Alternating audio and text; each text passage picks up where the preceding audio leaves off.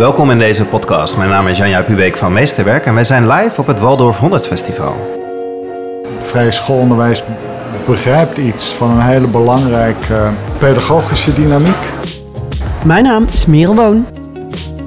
Dit is Meesterwerk. Gert Bista is bijzonder hoogleraar voor de pedagogische dimensies van onderwijs aan de Universiteit voor Humanistiek.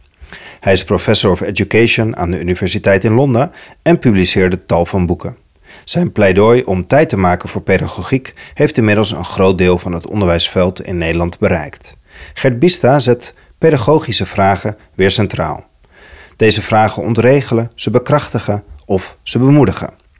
Van verschillende publicaties is een van zijn meest bekende boeken Het prachtige risico van onderwijs uit 2014.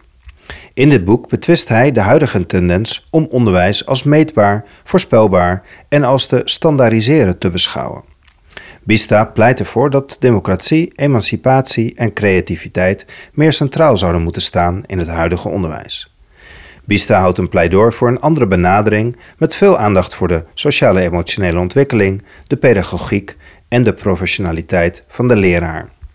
Om Bista's woorden zelf te gebruiken, op dit moment ligt de nadruk in het onderwijs sterk op kennis en vaardigheden en worden vooral cognitieve prestaties gewaardeerd.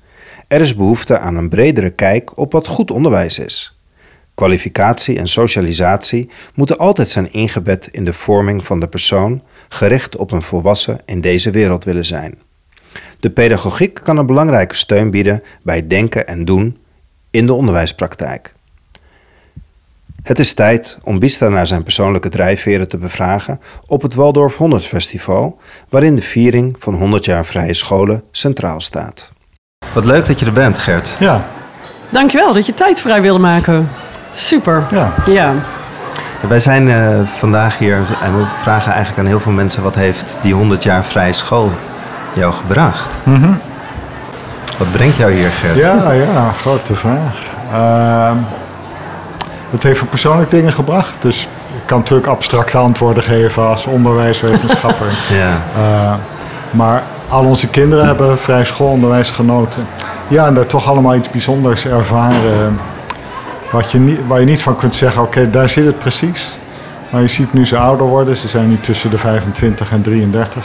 Je ziet gewoon dingen terugkomen en naar boven komen waar- waarvan je denkt, ja, die staan met vertrouwen in de wereld. Dat vind ik eigenlijk de belangrijkste kwaliteit die ik heb gezien. Kan je daar een mooi voorbeeld van geven, wat je dan precies ziet? Ja, wat, ik, wat heel bijzonder is, is wanneer je eigen kinderen, wanneer die zelf kinderen krijgen en ineens ouder worden. Dus wij hebben twee van onze kinderen hebben nu Oh. kinderen. Dat maakt jou grootouder. Ja, ook dat. Ehm, en dat is een kwaliteit waar je nooit van weet of je kinderen die hebben of niet. Dus ineens blijkt dat het te Ja.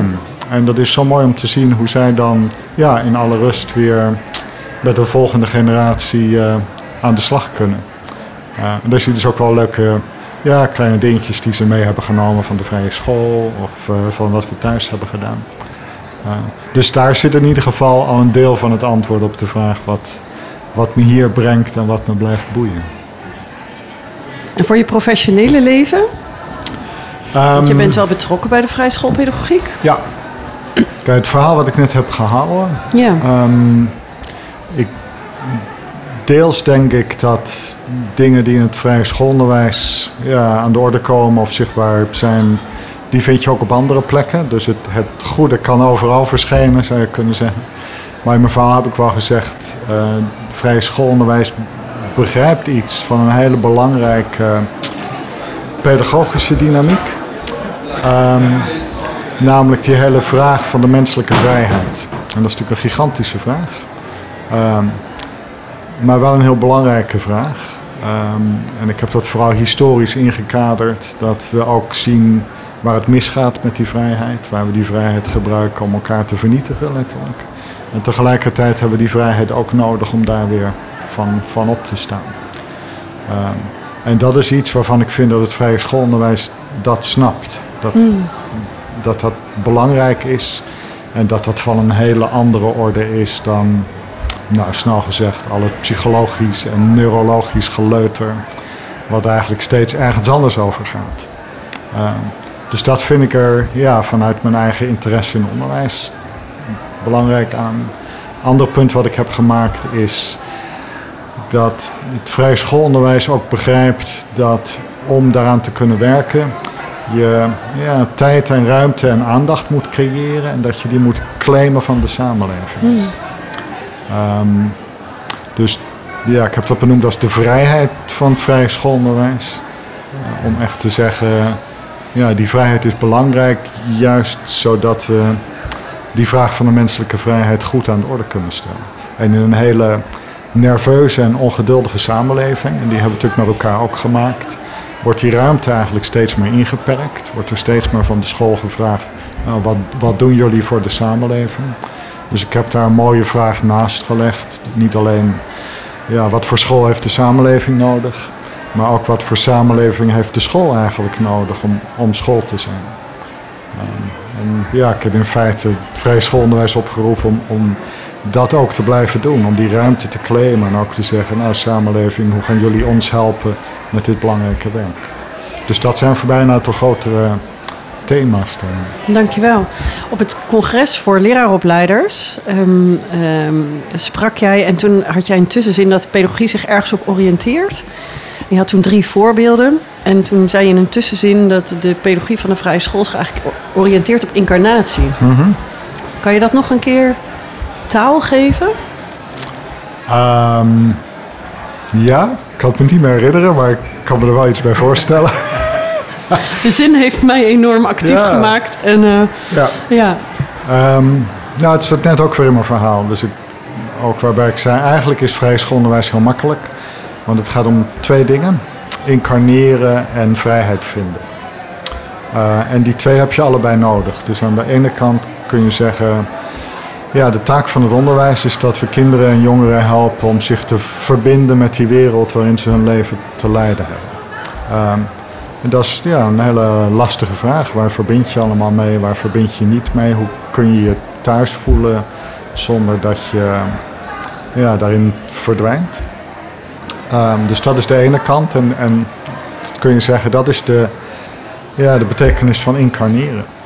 Dus dat is, ja, je kunt er allerlei Steiner-theorieën ja, over. kan ook. De ziel en het lichaam. Maar dit is mooi, maar ja. je- ja, incarneren letterlijk betekent dus in, in het vlees komen.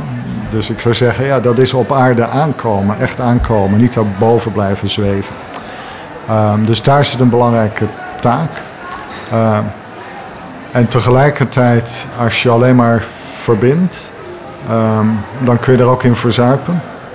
Dus de, de andere uitdaging is, hoe kun je daarin dan eigenlijk staande blijven of zelfstandigheid verwerven.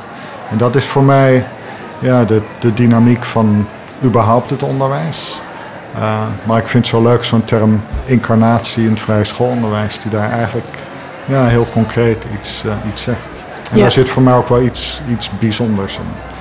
Um, op sommige plekken kom ik heel veel ontwikkelingstaal tegen rondom de vrije school.